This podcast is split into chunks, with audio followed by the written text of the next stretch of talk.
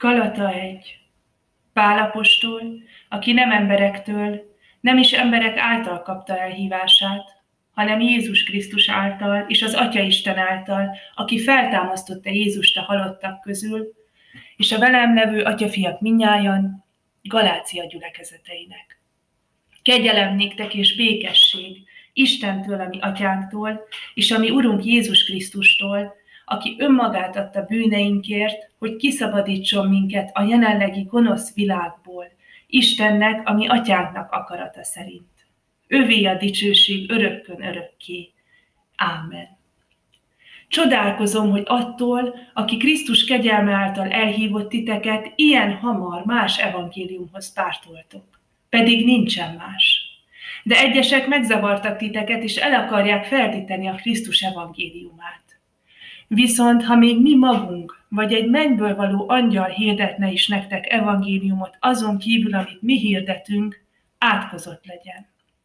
Amint már, amint már korábban is megmondtuk, most ismét mondom. Ha valaki nektek más evangéliumot hirdet azon kívül, amelyet elfogadtatok, átkozott legyen.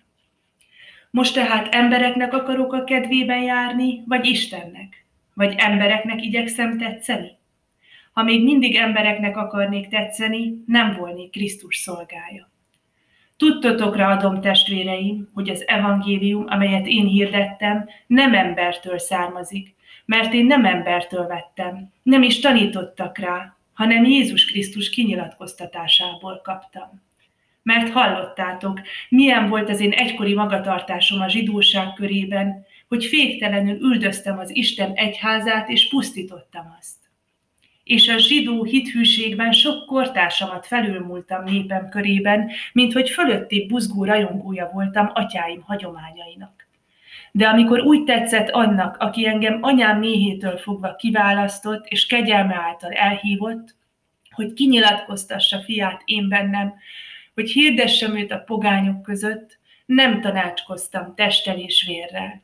Nem is mentem fel Jeruzsálembe azokhoz, akik előttem lettek apostolokká, hanem azonnal elmentem Arábiába, aztán ismét visszatértem Damaszkuszba. Majd három esztendő múlva felmentem Jeruzsálembe, hogy meglátogassam Kéfást, és nála maradtam 15 napig. De az apostolok közül nem láttam más, csak Jakabot, az úr testvérét. Amit pedig nektek írok, íme az Isten színe előtt mondom, hogy nem hazugság. Azután elmentem Szíria, és Cicília vidékére. Júdea keresztény gyülekezetei azonban személy szerint nem ismertek engem. Csupán ezt hallották. Aki egykor üldözött minket, most hirdeti azt a hitet, amelyet valamikor pusztított. És dicsőítették én értem az Istent.